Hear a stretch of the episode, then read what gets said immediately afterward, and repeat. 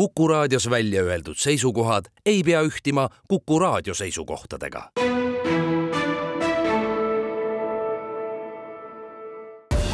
Tartu linnasaade.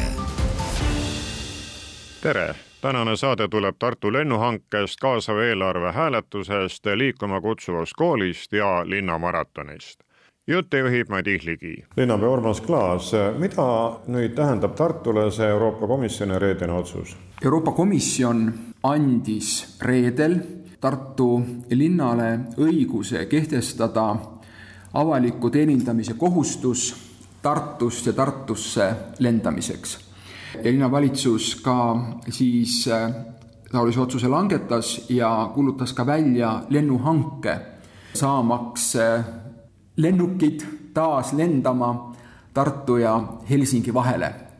ehk siis lühidalt ja kokkuvõttes öeldes Tartu linnavalitsus sai välja kuulutada lennuhanke, taastamaks Tartu rahvusvahelist lennuühendust. Helsingi ja Tartu vahel on olnud lennuühendus äh, kord stabiilsem, kord jällegi hüplikum.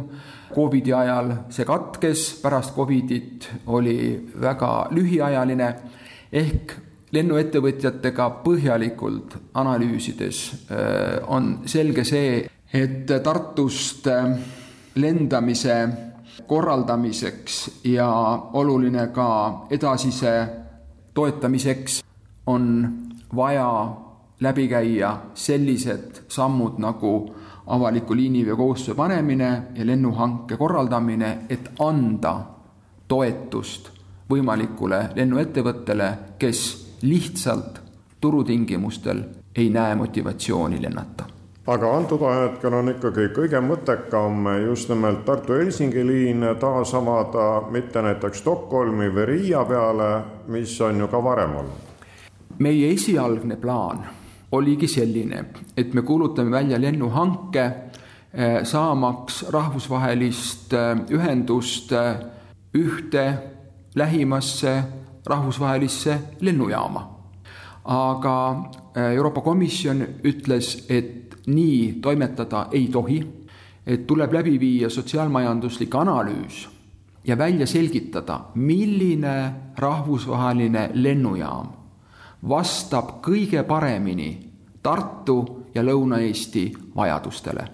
ja siis me tellisime selle analüüsi, mis hindas läbi erinevad lennujaamad ja see analüüs näitab ikkagi, et kõige paremini vastab Tartu ja ma toonitan ka Lõuna-Eesti vajadustele Helsingi, kes täna pakub kaheksakümmend kuut lennuühendust Helsingi lennujaamast ja need on kolmkümmend ühendust päeva esimeses pooles ja täna üle viiekümne ühenduse päeva teises pooles. mitu lendu Tartule terendub? kuivõrd me räägime avaliku teenindamise kohustusest, siis me peame ka ütlema ja ütleme, et milliseid lende me tahame. ja nii peab ka siis konkursi võitja lendama hakkama ja me oleme jällegi põhjalikult vaadanud ja hinnanud seda varasemat olukorda, mis meil on olnud. ja me nägime, et äh, varahommikune ja hilisõhtune lennuk oli piltlikult öeldes puu püsti täis ja inimesed jäid maha ja pileteid ei jätkunud. ning me pidasime läbirääkimisi enne Covidit veel täiendava päevase lennu juurde saamiseks. ja selle kogemuse pealt me hangimegi praegu Tartule kaksteist lendu nädalas ja meie soov on see, et hommikul vara oleks võimalik Tartust lennata Helsingisse, edasi lennata järgmistesse rahvusvaheliste sihtkohtadesse. ja et üks lennuk käiks päevas edasi-tagasi Helsingi-Tartu. Helsingi, et saaks pärastlõunastesse lendudesse võimalus edasi lennata ja hilisõhtune ehk siis kesköine lennuk, mis tooks kõik inimesed Helsingi lennujaamast, kes tahavad Tartusse tagasi. millal selguvad hanke tulemused? hanke kestus on kaks kuud, nii et eh, novembri lõpuks peaks olema see pilt selge ja meie suur soov on see, et esimesest jaanuarist kaks tuhat kakskümmend neli, kui algab kultuuripealinna aasta, oleks Tartul Helsingi lennuühendus olemas ja lepingu järgi me hangime seda praegu neljaks aastaks. meie kaasava eelarve häll asub äh, Tartus ja täna algab äh, ka hääletus, mis siis paneb paika järgmise raha jagamise. linnavalitsuse kommunikatsioonijuht äh, Lilian Lukka, kui vaadata seda nimekirja, milliseid tahtmisi on linnavõimule välja käidud, siis mis sealt vastu vaatab? sealt vaatab ikkagi vastu see, et tartlased tahavad olla hästi palju vabas õhus ja seal siis kas sportida või lihtsalt niisama mõnusat aega veeta. et kõik need ideed on ikkagi seda nägu, et teha neid vaba aja veetmise kohti mõnusamaks ja ägedamaks et aga hääletajad saaksid paremini kurssi, millised mõtted on täpsemalt välja käidud, siis peale linnavalitsuse kodulehe on need ettepanekud olnud ka Kaarsillal sõnas ja pildis, nii et kes vähegi huvi tunneb, see on saanud vaadata või saab veel vaadata. Ja Kaarsillal olev näitus tõepoolest on veel üleval, see on seal kuni hääletuse lõpuni ja seal on nii ideede kohta nii fotosid kui äh, pikemad jutud, nii et äh, kindlasti tasub seda seal vaatama minna. ja samuti on äh, ideede näitus Raekoja infokeskuses, kuhu tasub minna siis, kui elektrooniline hääletamine ei ole just meeltmööda või, või tahaks tahaks sinna hääletama minna, siis seal saab ka näitusel üle vaadata, mis ideed sel aastal valikus on kas äh, tänavane valik on selline, mida varasemalt olnud ei ole, ehk ükski kordusse ei lähe, ükski mõte?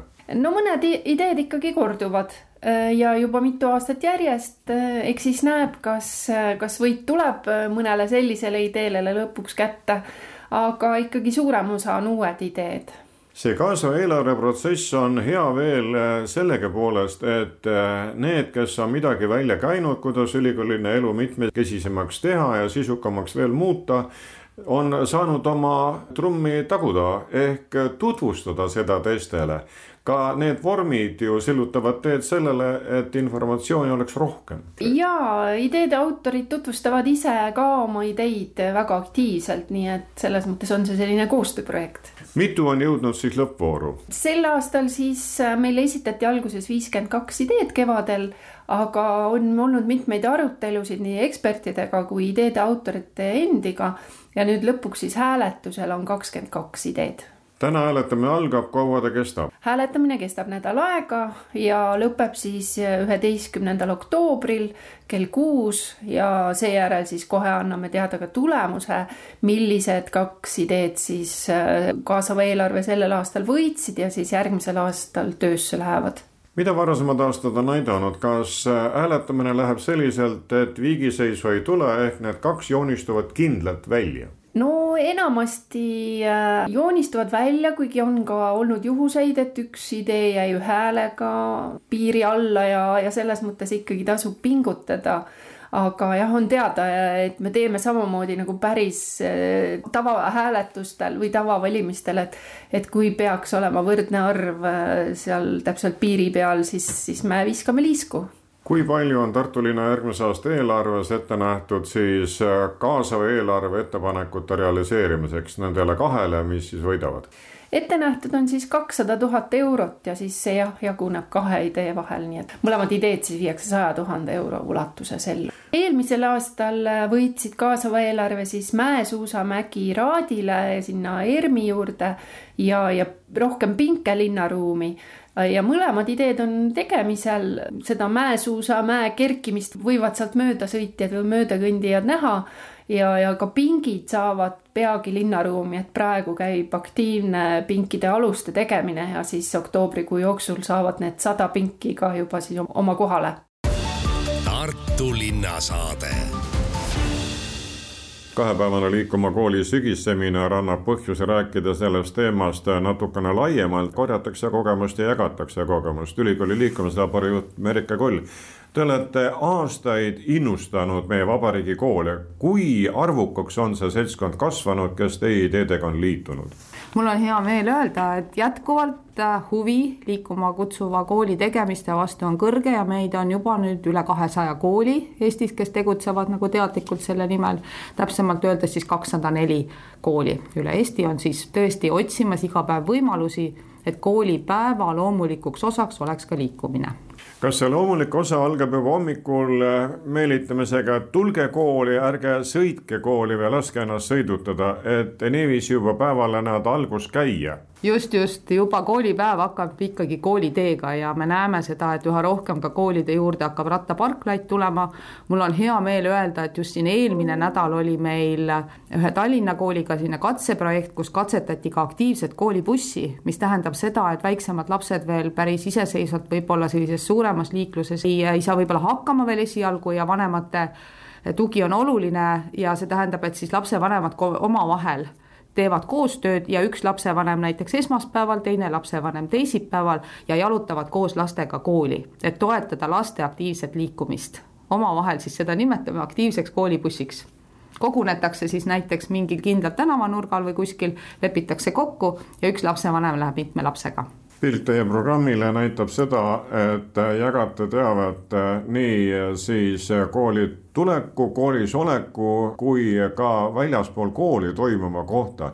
lühidalt neid võimalusi ka läbi Soome, Rootsi, Norra ja teiste maade kogemuste siin seminaril, mida te lahti räägite ja tutvustate, on ikkagi väga palju. tuleb vaid neist kinni haarata. jah, et meie Põhjamaade kogemus ja märksõna olgu see siis Soome, Rootsi või Norra, kes meil siin külalistena on esinemas, on ikka üks märksõna on õuesolek. hästi palju tähelepanu sellele, et need ka õuealad, kus lapsed viibivad, oleksid võima-, noh, võimaldaksid väga erinevaid liikumistegevusi, aga väga teadlikult näiteks õuevahetunnid ja õuesoleku aeg peab olema ikkagi meil nagu laste liikumise toetamisel kesksel kohal nii et, et need on need kogemused, me teame ju hästi, et Põhjamaades sellised õuevahetunnid on väga-väga loomulikud ja iga ilmaga ja juba aastakümneid olnud, kui meie koolid veel otsivad oma teed sellisele lahendustele, et küll üha rohkem koole on selle omaks võtnud ja meie uuringud praegu ikkagi kinnitavad väga selgelt Eesti koolides läbi viidud uuringud, et õuevahetundides liigutakse märkimisväärselt rohkem ja ka nendes koolides, kus lastel on õuevahetunni kogemused, kuni kuuenda klassini liikumisaktiivsus ei lange. et muidu, kui nad on siseruumides, siis toimub märkimisväärne langus pärast neljandat klassi laste liikumisaktiivsuses, aga õuevahetunnid pakuvad ikkagi selliseid väljakutseid, et ka vanemad õpilased liiguvad kuna me räägime ja teeme seda intervjuud siin Tartus, mis ülikool linna pealt vastu vaatab, milline on meie koolide liikumisharrastus ja programm? kui me korraks vaatame Tartusse, siis ma siinkohal tahaksin öelda, et Tartu on tõeliselt liikuma kutsuv linn. vaadates meie koolihoove, vaadates neid võimalusi, mida nüüd järjest iga kooli renoveerimisel ka õuealadel pakutakse, siis see on ikkagi väga-väga positiivne.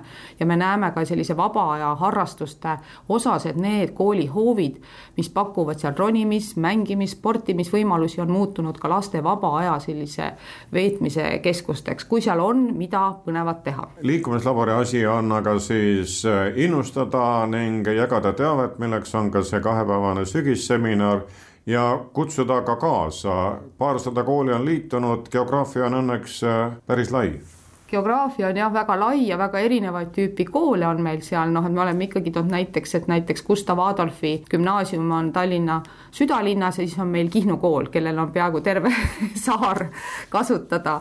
Ja need kogemused on erinevad ja selle meie seminari eesmärgiks on tõesti ka väga praktilisi kogemusi jagada, mida siis annab teha, erinevaid oskusi, aga samas ka väga palju ka teadusvaadet, et kuidas noh, kuidas teaduspõhiselt teemale läheneda, kuidas läheneda süsteemselt ja erinevate riikide kogemused on siin väga-väga abiks. sellepärast, et ega laste vähene liikumine ei ole ainult Eesti probleem, aga eri riigid on natuke erinevalt seda teemat äh, nagu lahendamas kas mõni doktoritöö on praegu pooleli selleks, et seda liikuma kutsuva kooli kogemust üldistada? jaa, lausa mitu tööd on, et üks töö ongi täpselt meil, Keter-Maria Lemberg on just seda õuealade teemat äh, uurimas ja vaatamas, et mis on need elemendid, mis panevad lapsi liikuma päriselt, milline on liikumisaktiivsus ja et anda ka võib-olla soovitusi koolidele, et mida siis seal koolihoovides teha. Ja samamoodi on meil ka liikumisõpetuse osas Äh, doktoritöö käimas, et mis on see, mis ikkagi õpilasi motiveerib ja mis viisil, et me ju teame praegu et meil on alanud üleminek kehalise kasvatuse uuendamiselt liikumisõpetusele. mis vormides peale sügisseminari ülikooli liikumislabor veel seda seemet külvab? iga päev ja koha peal käime ka koolidel külas ja kohtume koolijuhtide ja õpetajatega ja pakume väga eri tüüpi koolitusi, pakume koolitiimidele aineõpetajatele, kuidas tuua liikumist ainetundidesse, kindlasti ka liikumisõpetuse õpetajatele hästi palju selliseid uusi koolitusformaate, olgu see näiteks matkamise formaat või tantsuline liikumine, mille vastu on väga kõrge huvi olnud. Ja kindlasti ka õpilastele endile, et kuidas olla koolis siis selline liikumis- või mängujuht, et kuidas õpetada mänge ja võib-olla kutsuda ka õpetajaid liikuma Tartu maratonisarja viimane üritus on tervenisti Tartus ja see on linnamaraton, mis lõpeb punasel vaibal, nagu reklaamid ja kutsungid on öelnud. maratoni tegevjuht Indrek Kelk, kas on piisavalt palju inimesi, kes tahavad ka linnakividel joosta, sest on ju sarjas ka neid, mis lubavad teha seda maastikul? jah, ikka on, et tegelikult see Tartu linnamaraton ja kõik muud distantsid, mis selle maratoni jooksu kõrval veel kavas on, äh, ikkagi meelitavad kokku peaaegu neli tuhat inimest, et seda ei ole sugugi vähem kui siis ähm, kevadel maastikujooksul aga ega nüüd äh, Tartu linnamaratoni rajad puhtalt nüüd ainult linnakividel ka ei ole, et, et jalgu säästa, siis on siin mõned kergliiklusteed, mis on natukene pehmema kattega, kruusakattega ja, ja siin jooksuspetsialistid just ütlevad, et tegelikult võib-olla see on üks põhjusi ka, miks Tartu linnamaratonil joostakse Tallinna maratonist kogu aeg kiiremaid aegu, noh, kui üksikud tipud kõrvale jätta, et, et siinne rada on tegelikult tegelikult palju rohkem jalgu säästev kui Tallinna maratoni rada. mitme distantsi vahel on võimalik rahval valida? kui räägime Tartu linnamaratoni kolmest põhidistantsist, siis need on nelikümmend kaks kilomeetrit ehk klassikaline maraton, poolmaraton ehk kakskümmend üks kilomeetrit ja siis kümme kilomeetrit aga reede õhtul on selline noh, vähem võistluslik ja, ja, ja pigem selline soojendus ja, ja noortele suunatud jooks Friday Night Run, mis on siis neljakilomeetrisel sajal.